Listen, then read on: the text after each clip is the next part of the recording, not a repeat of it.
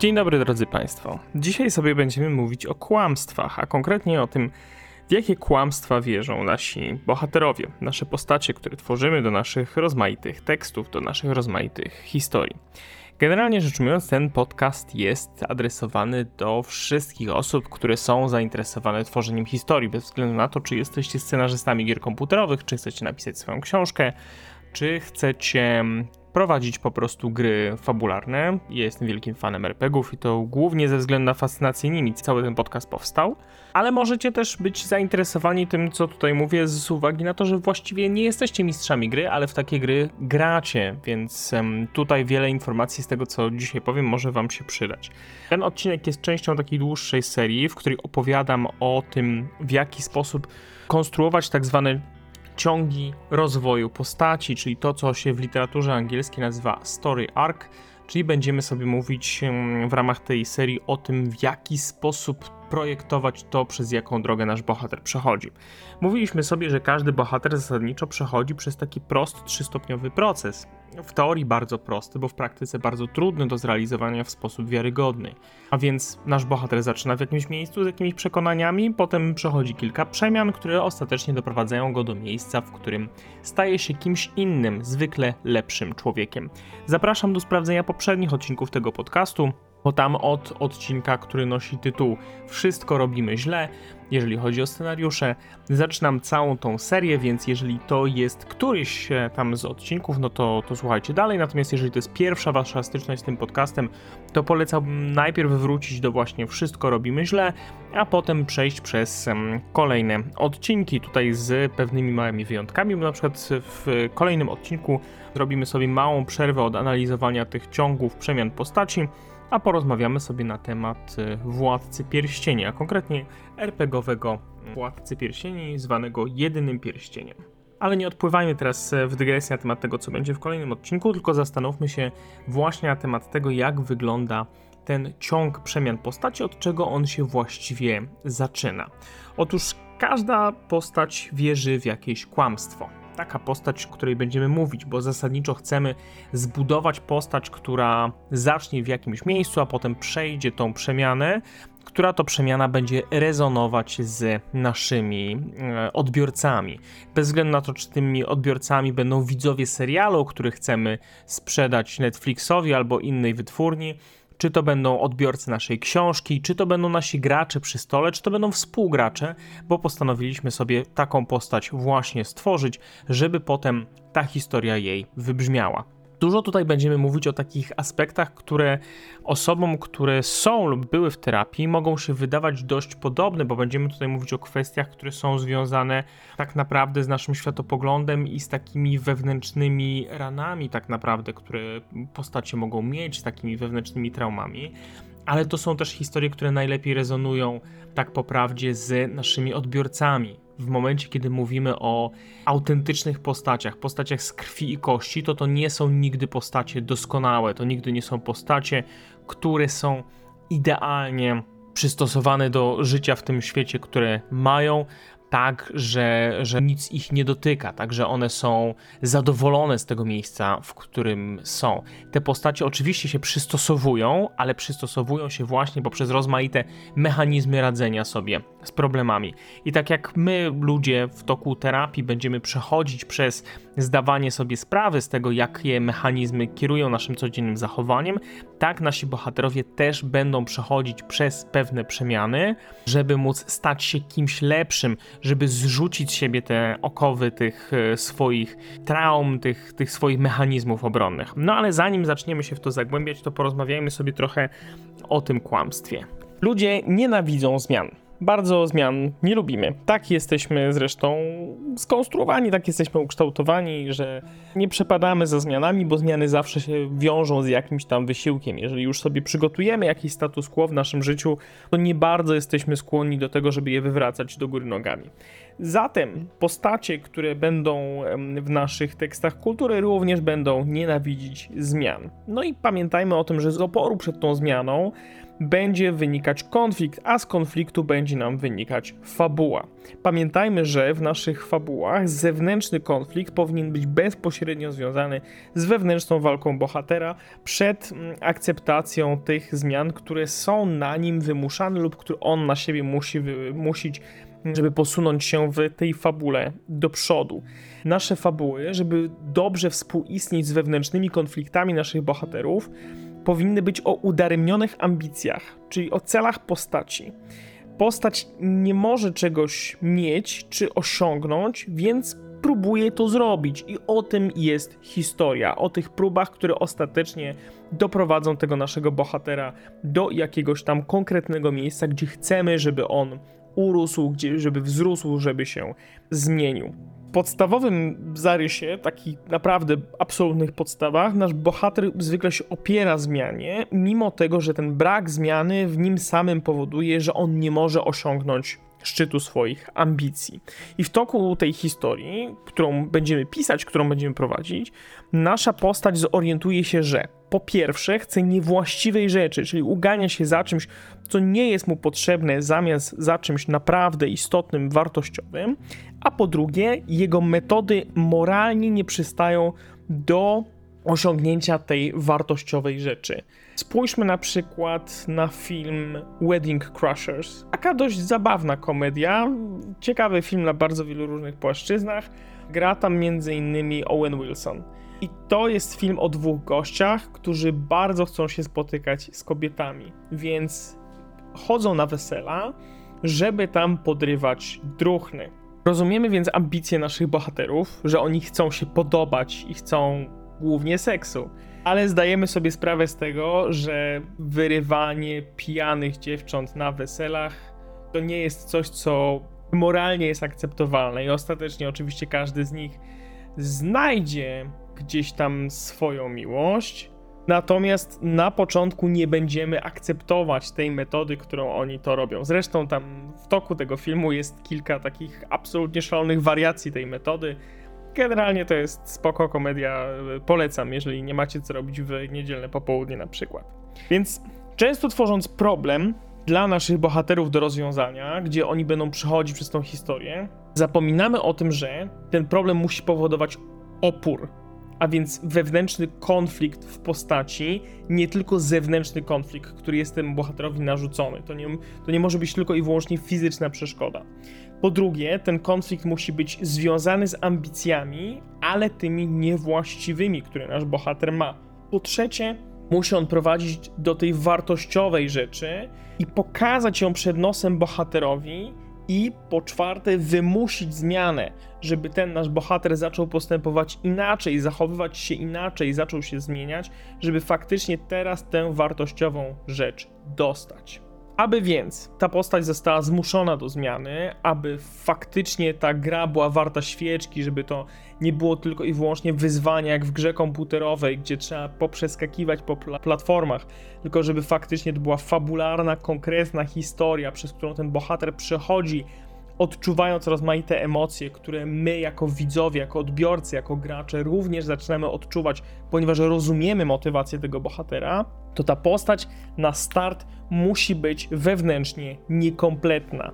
I ten brak czegoś, tej życiowej satysfakcji, miłości, spełnienia, przygody, uznania, pozycji, jest zaklejony tymczasowo plastrem w postaci tego wewnętrznego kłamstwa. Więc nasz bohater zaczyna wierząc w jakieś kłamstwo, które jest jego mechanizmem obronnym, takim błędnym przekonaniem o sobie, ale też o swoim otoczeniu, które to będzie przeszkodą do pokonania we wzroście i w przemianie.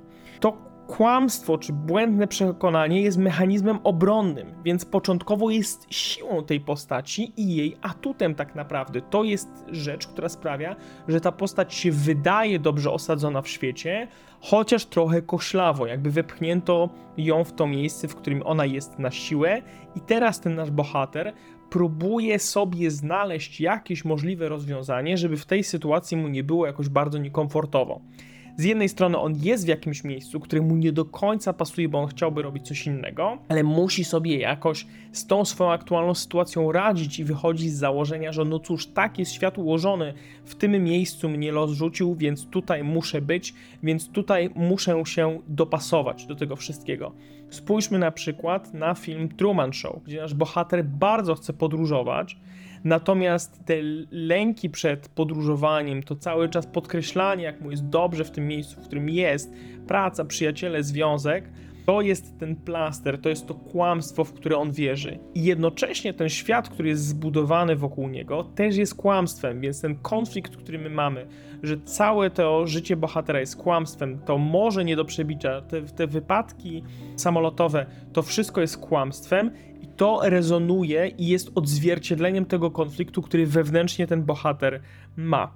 To kłamstwo nie zawsze będzie rzeczą negatywną. To nie zawsze będzie przekonanie typu jestem najgorszy na świecie, zasługuję na to, żeby być w tej beznadziejnej pracy. To nie zawsze będzie sformułowanie jestem głupi i niewykształcony, więc nie zasługuję na to, żeby osiągnąć sukces, zbudowanie własnej firmy, czy własnego przedsiębiorstwa, czy osiągnięcie czegoś nie jest dla ludzi z moją pozycją, z moim wykształceniem, z moją historią. Czasem to może być kłamstwo, które jest w jakiś sposób pozytywne. Na przykład w Hollywood wszyscy osiągają sukces, więc ten bohater czy ta postać rusza do fabryki snów, żeby tam osiągnąć ten sukces, żeby zostać znaną aktorką, znanym aktorem, żeby tam stać się kimś to nie zawsze musi być kłamstwo, które będzie destruktywne. To jest rzecz, w którą nasz bohater wierzy, więc będzie dążył do pogodzenia tego kłamstwa ze wszystkim, co go otacza, tak żeby mu łatwiej było się z tą obecną rzeczywistością pogodzić. Jeżeli na przykład mamy postać, która jest kelnerką w barze, ale w Los Angeles już, no to ona może sobie w kółko powtarzać: Kiedyś przyjdzie moja chwila, kiedyś ktoś mnie tutaj zauważy. Teraz będę tutaj siedzieć na zapleczu, ćwiczyć rozmaite role, będę chodzić na przesłuchania, bo to jest to kłamstwo, w które ta postać wierzy, że w Hollywood każdy prędzej czy później zostanie zauważony i sukces odniesie. Więc to kłamstwo nie zawsze musi być destrukcyjne, ale ono zawsze będzie tą postać w pewnym sensie uwierać, ale jednocześnie zapewniać jej spokój ducha, będzie tłumaczyć tej postaci ten świat wokół niej. Więc w pierwszym akcie naszej opowieści te postacie są w pewnym sensie okopane, zabezpieczone w swoim dotychczasowym życiu, i ten pierwszy akt jest strefą komfortu. A ta strefa się składa z rozmaitych przekonań o świecie, które są skrótami myślowymi, zwalniają nas z analizowania tego, co wokół nas się dzieje, jak wokół nas to życie realnie wygląda. Jakie symptomy ma to kłamstwo w życiu postaci? No po pierwsze wpływa na to, jak sama ta postać się zachowuje. Jeżeli to będzie kłamstwo na zasadzie tylko agresywni ludzie mają przebicie, to ta postać będzie agresywna w stosunku do możliwie wszystkich ludzi wokół siebie. Ale też będzie agresywna w stosunku siebie samej będzie próbować się zmusić do tego działania, będzie spróbować się zmuszać do tego, żeby ten sukces e, osiągać, czy, czy brnąć na przykład przez swoją karierę. Symptomem tego kłamstwa będzie to także, jak ta postać traktuje innych. Tak jak w Wedding Crushers, ci bohaterowie traktują kobiety po prostu jako kolejne trofea, nie traktują ich poważnie, nie traktują ich jako wartościowych, normalnych ludzi, którzy mają swoje przemyślenie, tylko po prostu jako statystykę do odhaczenia po każdym kolejnym weselu. Ale to będzie też to, jak ta postać będzie traktować siebie samą na co dzień, co będzie o sobie myśleć, co będzie o sobie mówić, jak będzie siebie traktować to kłamstwo będzie też wpływać na to, jakie ta postać ma ambicje, co ona uważa za sukces w życiu, ale także co będzie cenić jako wartościowe, no i wreszcie czego ta postać będzie oczekiwać od innych. Generalnie nasz bohater na samym początku stara się wmówić, że jego droga jest jedyną słuszną drogą. I jeżeli się zastanowimy nad tym, to właściwie każdy z nas ma takie wewnętrzne kłamstwo, które pozwala mu obronić się przed otaczającą rzeczywistością, które pozwala mu znaleźć miejsce w swoim życiu. No przykro mi, że teraz tutaj wchodzę na takie psychologiczne tony, ale generalnie tak jest każdy przecież proces terapeutyczny jest rozbrajaniem po kolei rozmaitych naszych mechanizmów obronnych i tego, w jaki sposób wpływają one właśnie na nasze zachowanie, na traktowanie innych, traktowanie siebie, na nasze ambicje i na to, co uważamy w życiu za wartościowe i na to, czego oczekujemy od ludzi wokół nas. Więc ten proces przygotowywania naszego bohatera do osadzenia go w naszej fabule nie różni się za bardzo od procesu, który nasz terapeuta musi przejść, żeby znaleźć wspólnie z nami te mechanizmy, które nam pozwalają łatwiej w życiu funkcjonować, a które wynikają z tego, że pewne nasze wartości nie są dla nas dobre, mówiąc w wielkim skrócie. Nie zawsze musi być tak, że te wartości są dla nas bezpośrednio szkodliwe, ale w dużej części przypadków, zresztą po to przecież chodzimy na terapię, zdajemy sobie sprawę z tego, że wartości, które mamy, przekonania, które mamy, nie są dla nas dobre, więc staramy się dotrzeć do źródła tych przekonań, a następnie je zmienić. I w wielkim skrócie robota autora polega na tym, żeby wejść w psychologię, w głowę tej postaci i znaleźć w niej ten defekt. Autorowi jest dużo łatwiej, bo on wie, jak tą postać chce skonstruować. A następnie ten defekt uczynić dla tej postaci niewygodnym. Na samym początku to musi być coś, co z jednej strony jest upierdliwe dla tego bohatera i trochę mu to życie utrudnia, a z drugiej strony jest to coś, co mu to życie w krótkiej perspektywie, tu i teraz, bardzo ułatwia, bo pozwala mu się pogodzić z tym światem wokół. Tworząc zatem podstawy naszej postaci, bohatera czy bohaterki naszej opowieści, musimy się zastanowić, jakie błędne przekonanie ta postać ma o sobie i o świecie. To po pierwsze. Po drugie, czego tej naszej postaci brak? Mentalnie, fizycznie, duchowo, co jest taką dużą, ziejącą raną w duszy tej naszej postaci, mówiąc metaforycznie, którą ta postać próbuje tym kłamstwem zapchać, próbuje zakleić to i, i tym kłamstwem obudować sobie wyjaśnienie, że w tym momencie nie musi dążyć do zaspokojenia tej potrzeby, bo przecież są inne potrzeby.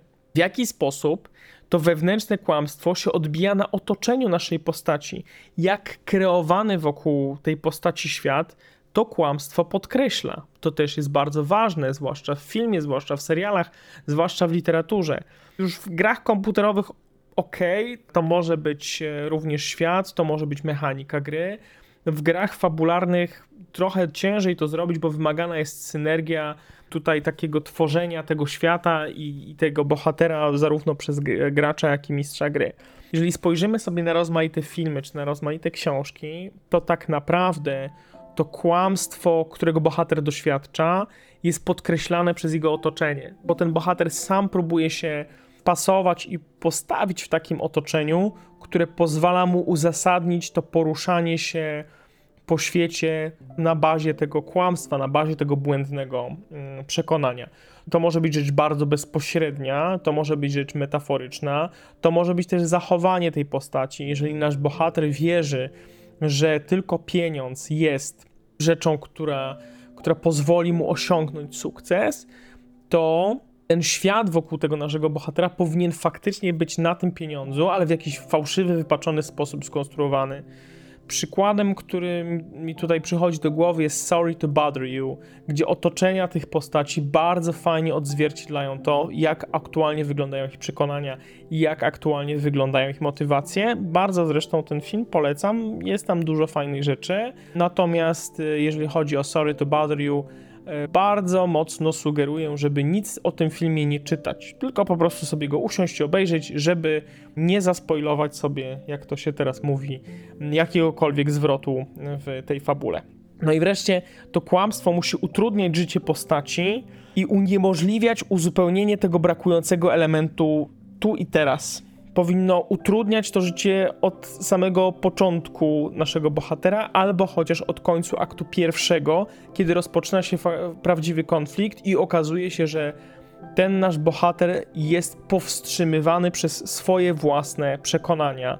Jak Luke Skywalker, który jest przekonany, że nie uda mu się czegoś zrobić, bo po prostu jest na to za słaby i dopiero wtedy mistrz Yoda mu tłumaczy, że rób albo nie rób próbowania. Nie ma. I to kłamstwo, w które nasz bohater wierzy, to jest pierwszy filar tego tak zwanego character arc, czyli tego łuku. Ten nasz łuk metaforycznie będzie się opierał o pierwszy i ostatni filar, o pierwszy i ostatni krok podróży i rozwoju tego bohatera i to kłamstwo będzie pierwszym z tych filarów. Ono nam będzie mówić, co jest nie tak z tym naszym bohaterem, ale także co jest nie tak ze światem bohatera, dlaczego on, mimo tego, że miał jakąś potrzebę, której nie potrafił zaspokoić, zwykle mentalną, emocjonalną albo duchową, dlaczego sobie stworzył taką protezę.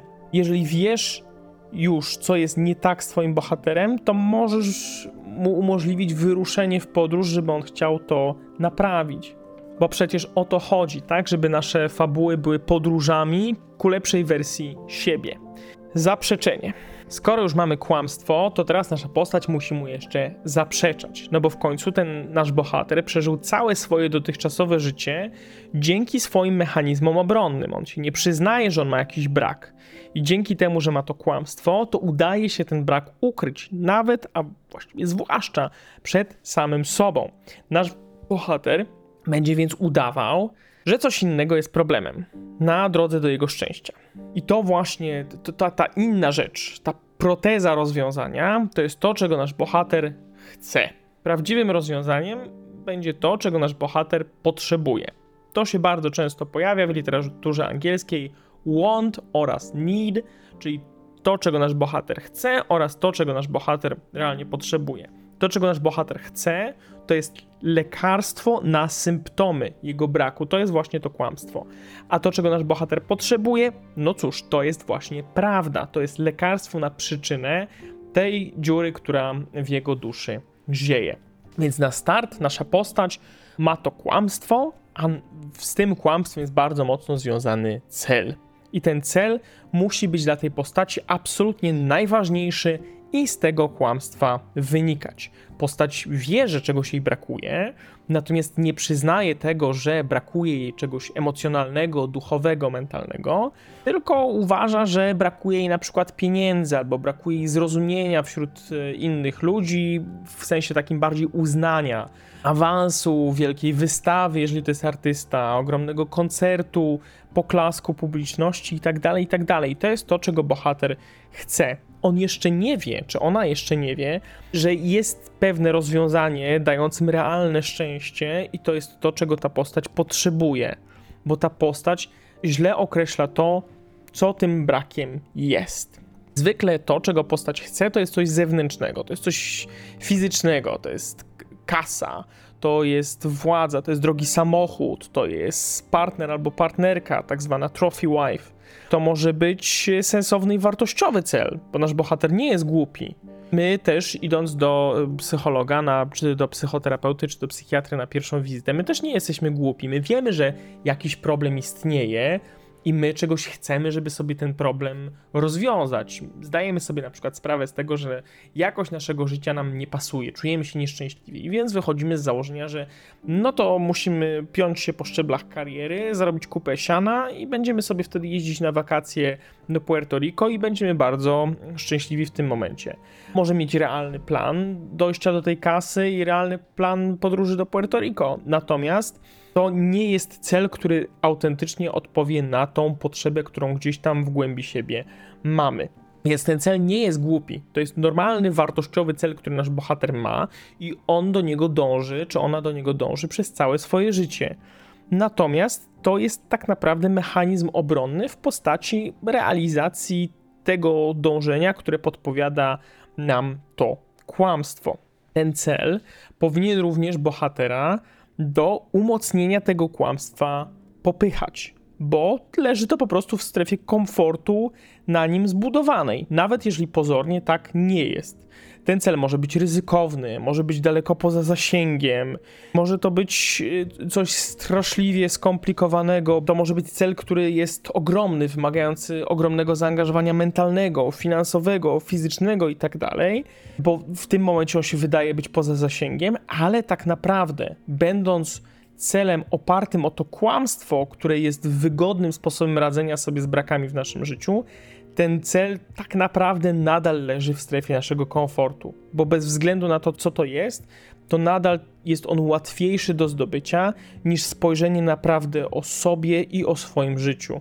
Przepraszam, jeżeli czujecie się dotknięci, bo często tak naprawdę sami tak mamy, że wydaje nam się, że zdobycie Mount Everestu będzie łatwiejsze niż poradzenie sobie z naszymi wewnętrznymi problemami i dlatego wolimy spędzać naście godzin w pracy dziennie, a nie iść na terapię, tylko po to, żeby pewne problemy zakamuflować, żeby udawać, że dążymy przecież do czegoś wielkiego. Tyle pracujemy, ale de facto jest to ucieczka przed koniecznością spojrzenia na realny nasz problem i szukania tego realnego rozwiązania. Tak samo jest z tymi naszymi bohaterami. Oni nie potrzebują tego uniwersalnego dobra, które jest na końcu tej drogi, tego bogactwa, tych y, tłumów na ich wernisażu, tego awansu, tej przepięknej żony modelki, czy tego przepięknego męża modela. Tylko ta postać potrzebuje spersonalizowanego antidotum na swoje kłamstwo, czyli tej prawdy, którą musi spojrzeć i w którą musi się zagłębić.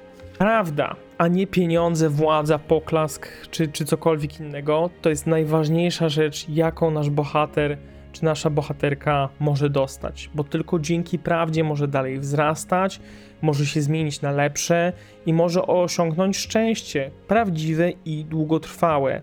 Tak samo zresztą przecież jest w naszym realnym życiu. Jeżeli się okłamujemy, no to niestety tego długotrwałego szczęścia, takiego prawdziwego i szczerego nigdy nie osiągniemy. Tym bardziej będę podkreślał to, że postacie, które są dobrze napisane, rezonują z odbiorcami, bo ci odbiorcy odnajdują się w tych postaciach, oni widzą tą drogę i ten trud spojrzenia na tą prawdę o życiu i o sobie samym, którą nasi bohaterowie przechodzą. I tym sposobem zapamiętują te historie, cenią je dużo bardziej, bo te historie są prawdziwe dla nich, bo oni czują, nasi odbiorcy, że te historie są o nich. Jeżeli nasz bohater się z tą prawdą rozminie, to zostaje więźniem swojego kłamstwa, albo wręcz jeszcze głębiej się w nim pogrąży, stając się kimś jeszcze gorszym. To może być podstawa do tego, co mówiliśmy o tym negatywnym ciągu przemian postaci. Nasz bohater będzie dążył przez większą część historii do tego, czego chce, i przez większość fabuły będzie się pogrążał coraz głębiej w tym kłamstwie, wierząc, że to jest jedyne prawdziwe rozwiązanie, ale cały czas musimy mu dyskretnie pokazywać: hej, jest coś innego, jest coś, czego naprawdę potrzebujesz. I w pewnym momencie struktura naszej opowieści powinna się zmienić w taki sposób, powinna dążyć do takiego punktu, że uniemożliwi mu dalszą podróż poza pewien krytyczny punkt, jeżeli najpierw podświadomie, a potem świadomie nasz bohater nie zorientuje się, że musi podążać za tym, czego naprawdę potrzebuje. Musimy postawić taką ścianę przed naszymi postaciami, która jest bardzo intensywna, bardzo wielka i absolutnie nie do sforsowania, i powiedzieć im, metaforycznie oczywiście, dopóki się nie zmienisz, nasz bohaterze, to nie pójdziesz dalej. Nie ma takiej opcji, żebyś ze swoim aktualnym przekonaniem o sobie, o świecie, o swoim kompasie moralnym był w stanie poruszyć dalej poza pewien punkt w tej opowieści. Nie ma takiej możliwości, nasza ukochana postaci, byś się w tej historii poruszyła dalej, dopóki nie zdasz sobie sprawę z tego, że to, czego potrzebujesz, to jest prawda. Zwykle to, czego bohater potrzebuje, to nie jest jakaś fizyczna rzecz. Ona może przyjąć pewną fizyczną manifestację, to może być zmiana wyglądu, zmiana zachowania, jak Luke Skywalker w końcu pojawiający się w tym prostym stroju Jedi, ale najczęściej to będzie po prostu zmiana sposobu myślenia, patrzenia na siebie, patrzenia na świat, patrzenia na inne postacie w tej historii. I teraz, jak postać zdaje sobie z tego sprawę, to albo może wreszcie dostać to, czego chce, ale w takiej formie, która odbija, jest, jest manifestacją tej prawdy, której nasz bohater potrzebował, albo może porzucić ten cel na rzecz czegoś ważniejszego, moralnie lepszego. Wyobraźmy sobie historię, w której nasza postać chce być wielkim artystą i chce, żeby miliony przychodziły na jej wernisaże i pracuje nad jakimś dziełem, rzeźbą albo obrazem. I na pewnym etapie okazuje się, że jeżeli nie skonfrontuje się z tymi swoimi lękami, tymi swoimi brakami, z tymi swoimi potrzebami, z tym, czego jej realnie brakuje, to to wielkie i wybitne dzieło będzie po prostu puste. To może być gigantyczna rzeźba, nad którą nikt się nie pochyli, bo wszyscy powiedzą: No dobra, no super technicznie, ale poza tym nic nie wnosi. Kiedy wreszcie ta postać porozumie się sama ze sobą i stworzy dzieło, które jest szczere, to jest to dzieło, które ta postać zawsze chciała stworzyć. To jest to dzieło, które pozwala jej się obnażyć, otworzyć, pokazać te prawdziwe lęki i obawy, mimo że ono być kompletnie w kontrze do tego, w co aktualnie świat wierzy. Na ten wernisaż może przyjść 10 osób, które powiedzą, że to absolutnie jest to, że to, to jest wreszcie pokazanie, jak wygląda współczesna kultura. To porusza je, to sprawia, że ludzie płaczą, ale tych ludzi jest tylko 10. To dla tej postaci nadal to jest wielki wernisaż, to jest wielkie osiągnięcie, bo ci ludzie autentycznie okazują emocje, oni naprawdę płaczą. A może się też okazać, że nasz bohater dąży do posiadania bogactwa, bo chce brylować w towarzystwie, chce jeździć e, na golfa z jakimiś możnymi tego świata i ostatecznie orientuje się, że prawdziwych przyjaciół to ma wśród bezdomnych w swojej okolicy i postanawia zrobić coś dla nich. I zamiast jechać na golfa z prezesami banków, decyduje się na to, żeby spędzić czas z tymi ludźmi, którzy autentycznie szanują tego bohatera za to, kim on naprawdę jest, bo on teraz porzuca tą personę, to udawanie, że, że wpasowuje się w ten lifestyle golfistów i posiadaczy jachtów i że tak naprawdę najbardziej lubi spędzać czas właśnie z tymi ludźmi, którzy życie przegrali, ale którzy starają się, wiążąc ledwo koniec z końcem, być szczerzy e, wobec, e, wobec samych siebie i wobec siebie nawzajem. Chwila, w której postać poznaje tę prawdę, która, która tego naszego bohatera zmienia, ona powinna być ważna i podniosła w całej historii, bo to jest moment, w którym tych emocji jest dużo i one powinny wybrzmieć to jest ten najważniejszy nasz moment, kiedy nasz bohater zrzuca tą skórę, tą wylinkę i staje się tą lepszą wersją siebie. Więc jeżeli nasz bohater teraz stwierdza, że on pieprzy pracę w banku, to to nie może być moment, w którym po prostu wstaje od biurka i wychodzi, tylko to jest moment wielkiej konfrontacji z szefem, z innymi pracownikami. To jest moment, w którym ta nasza historia mocno brzmi i w którym się dzieją te rzeczy najważniejsze to jest ta nasza finalna konfrontacja, to jest ta nasza finalna przemiana, to jest Darth Vader podnoszący imperatora i rzucający go w głąb Gwiazdy Śmierci.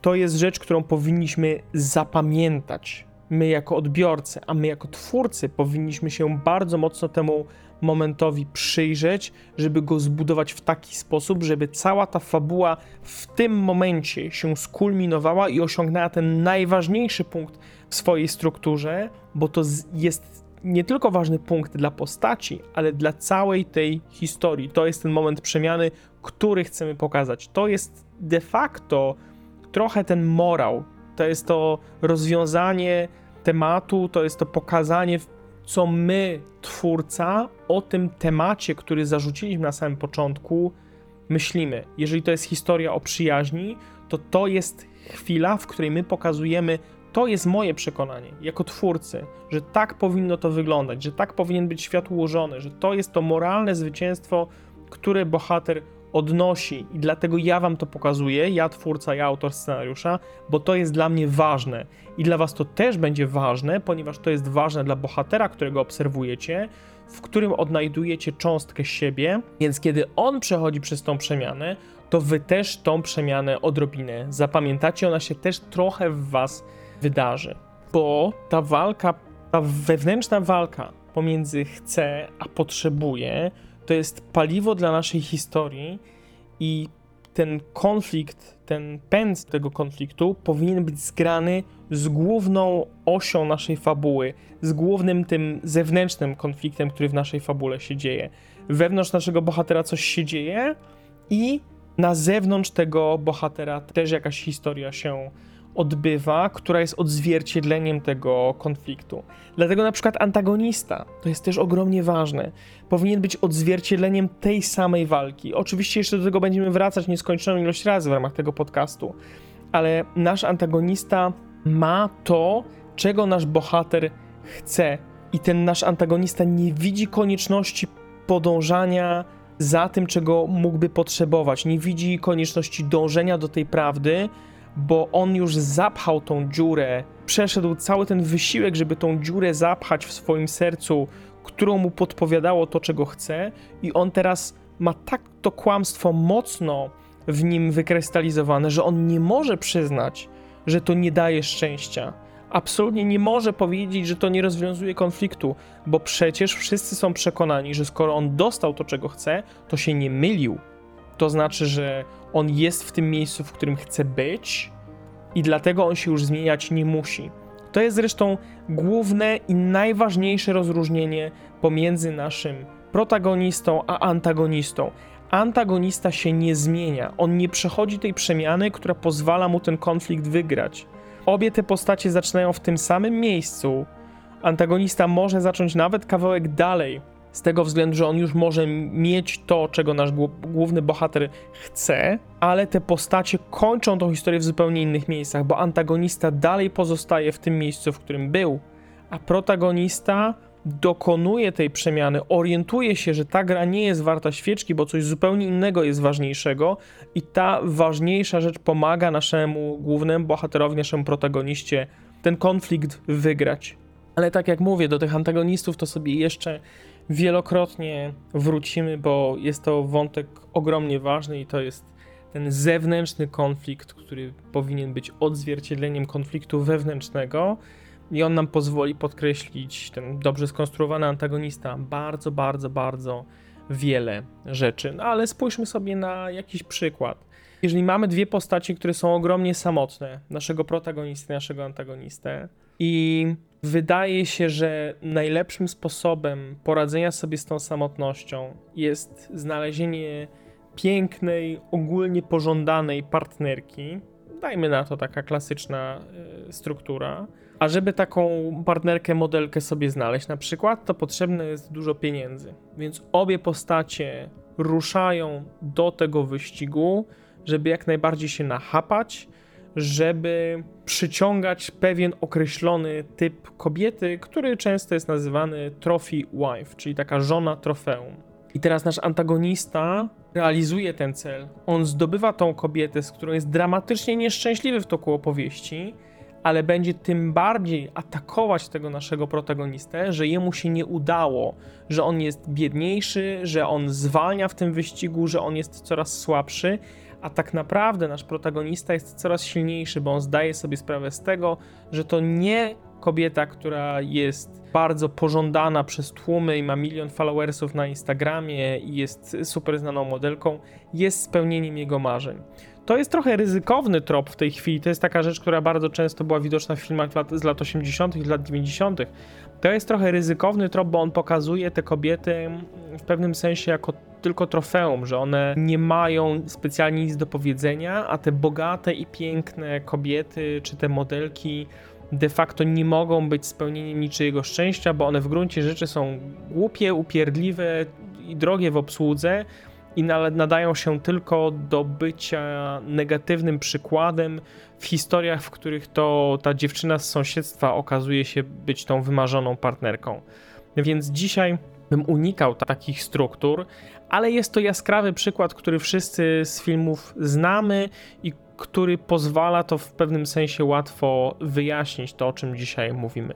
O tym, w jaki sposób budować postacie drugoplanowe, też, które mają coś do powiedzenia i które nie są tylko i wyłącznie takim e, pustym wewnętrznie chochołem służącym za przykład, to sobie jeszcze oczywiście w przyszłości porozmawiamy. Ale zanim przejdziemy do przyszłości, to musimy sobie trochę powiedzieć o przeszłości, a mianowicie o duchach przeszłości. Bo przecież w naszym bohaterze czy w naszej bohaterce skądś to kłamstwo się wzięło. Ono było potrzebne z jakiegoś powodu tej postaci, żeby przetrwać. Dlaczego ten bohater się skupia tylko i wyłącznie na tym jednym aspekcie przetrwania, skoro to kłamstwo czyni mu krzywdę we wszystkich innych? Czemu ten jeden cel uświęca środki?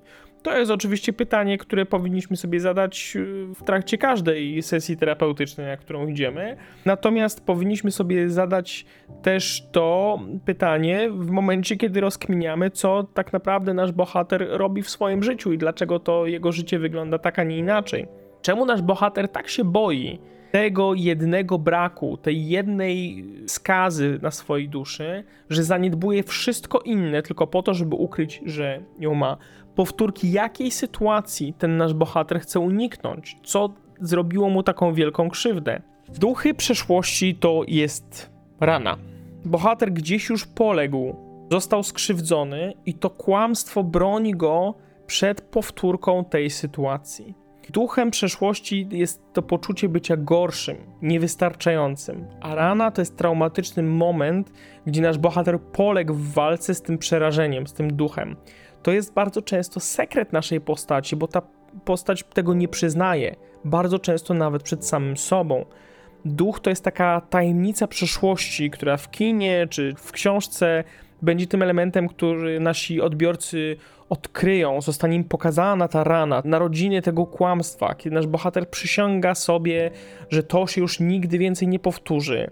I czasem to będzie prolog, żeby w oczywisty sposób podkreślić motywację, czasem to będzie wielka tajemnica, czasem to będzie scena, w której nasz bohater robi coś złego, a czasem coś złego mu się stało. Gdzieś następuje w tym momencie jakiś moralny kompromis. Czy nasz bohater może być świadkiem czegoś i nie reaguje, bo jest sparaliżowany strachem.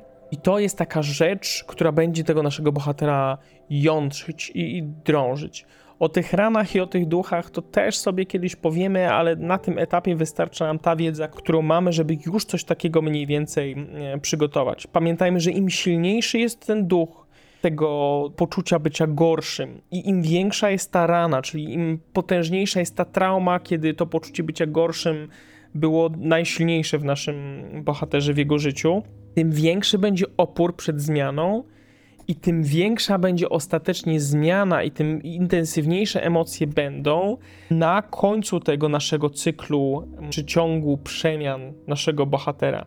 To często może być właśnie nasze backstory. Nie zawsze musimy pokazać tego ducha, nie zawsze musimy pokazać tą ranę.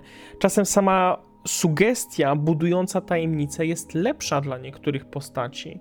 Pytanie, czy potrafimy to dobrze ograć. Pytanie, czy potrafimy to zrobić w taki sposób, żeby ten duch czy ta rana nie były abstrakcyjne dla naszych odbiorców. Bo jeżeli one będą za bardzo abstrakcyjne, to będzie coś takiego, co nigdy nie miało prawa się w naszym życiu wydarzyć, tym mniej to będzie z nami rezonować. Bo je, jeżeli pokażemy taką abstrakcyjną rzecz, to nasi odbiorcy uznają, że a, to jest wyssane z palca, to, to jest niemożliwe, żeby ta postać miała taką motywację. To jest często moment, na którym twórcy niestety polegają. W sensie takim, że nie opierają o to swoją strukturę, chociaż, chociaż też, też opieramy często strukturę o, ten, o to wielkie ujawnienie tej tajemnicy naszego bohatera, ale to jest miejsce, w którym łatwo jest polec, w sensie wywalić się na swój głupi ryj, jak to mówi mem. Więc y, musimy uważać, czy nie chcemy czasem ośmieszyć tej motywacji naszego bohatera, bo jeżeli pokażemy coś, co w gruncie rzeczy nie będzie rezonować z naszymi widzami, to nie najlepiej.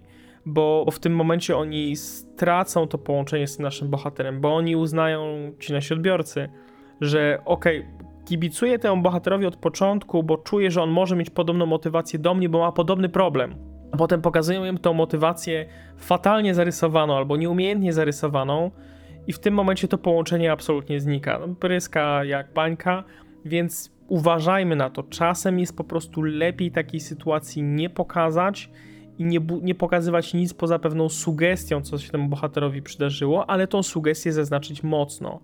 Bo jeżeli nasz bohater powie po prostu, ach, żona mnie zostawiła i to jest koniec opowieści, to też jest fatalna motywacja, fatalne połączenie, bo to nie wybrzmi za dobrze. Za słabo po prostu będzie rezonować z naszymi ludźmi. Ta, ta metafora tego rezonowania jest o tyle istotna, że chodzi tutaj też o siłę tego wybrzmiewania. Natomiast jeżeli to jest scena, w której nasz bohater opowiada o tym rozwodzie, pijany na przykład i opowiada enigmatycznie, ale ze łzami w oczach, to to jest już scena, którą każdy z nas, który kiedyś przeżył jakieś rozstanie, jest w stanie mm, sobie przypomnieć ze swojego własnego życia, bo na pewno każdemu z nas się zdarzyło, że pijany próbował się zwierzyć swojemu przyjacielowi czy przyjaciółce z tego, co przeżywa w trakcie rozstania i nie umie tego nazwać. Więc jeżeli nasz bohater też ma taką scenę, w której z jednej strony nie mówi nic konkretnego o tym rozstaniu, a z drugiej strony pokazujemy, jak bardzo go to zdruzgotało, że on płacze, że pod wpływem alkoholu to do niego wraca, to my potrafimy taką motywację gdzieś tam złapać, bo my sobie sami dopowiemy do, tą naszą historię, my wypełnimy tego bohatera, tą jego ranę, tą jego traumę, my wypełnimy swoją własną historią, bo dostaniemy na to przestrzeń, dostaniemy taką możliwość, dostaniemy sugestię, że to jest moment, kiedy my musimy sobie coś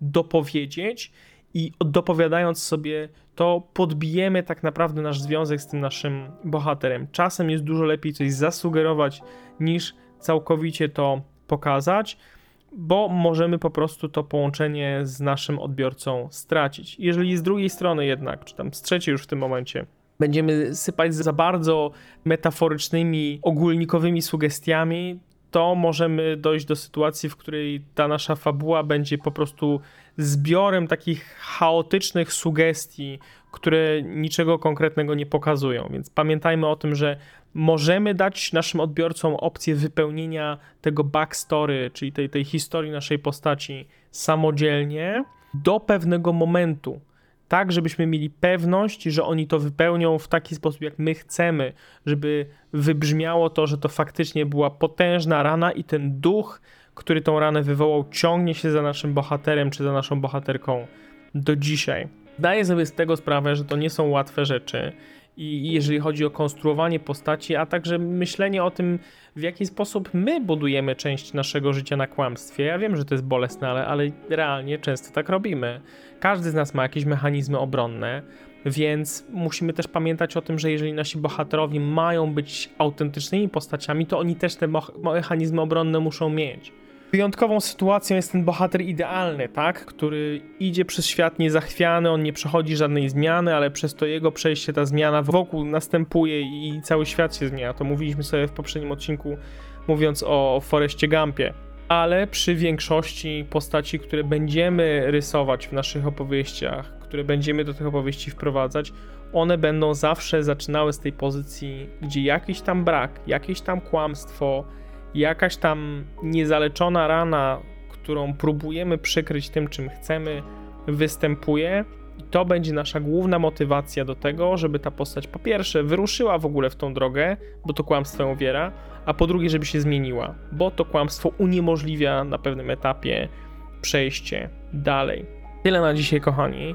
Przypominam, że transkrypcję odcinków znajdziecie na Patronite nie trzeba być wspierającym, nie trzeba tam żadnej kasy płacić, nie ma tam żadnego paywalla, po prostu z poziomu Patronite w zakładce posty znajdziecie transkrypcję i możecie sobie po prostu to, co tutaj e, dzisiaj usłyszeliście, możecie tam sobie doczytać, czy zrobić z tego notatki, czy, czy po prostu wrzucić e, sobie gdzieś, zrobić jakieś podsumowanie, żeby mieć pewną podpowiedź. Te transkrypcje służą także mm, temu, żeby osoby, które mają problem ze słuchem albo nie lubią po prostu słuchać podcastów, żeby też mogły sobie gdzieś tam trochę tej wiedzy zebrać. Także bardzo mocno polecam wchodzenie na tego Patronite'a. Z tego miejsca dziękuję także moim dwóm już na tym etapie patronom, Michałowi i Łukaszowi. Dziękuję panowie za to, że tutaj ze mną jesteście. Dziękuję wszystkim, którzy ten, tego podcastu słuchają, którzy go udostępniają, bo to też pomaga się tutaj rozwijać. W kolejnym odcinku będziemy mieli chwilę przerwy od ciągów rozwoju postaci, bo będzie już wspomniany jedyny pierścień, ale od następnego odcinka wracamy do mielenia tego tematu dalej, żeby te przemiany w naszych bohaterach, których wprowadzamy do naszej historii, były jak najlepsze i wybrzmiewały jak najlepiej w kluczowych punktach naszej fabuły. Tyle na dzisiaj. Dziękuję Wam bardzo za wysłuchanie. Proszę o subskrypcję, udostępnianie tego podcastu. Tyle z Bogiem i cześć.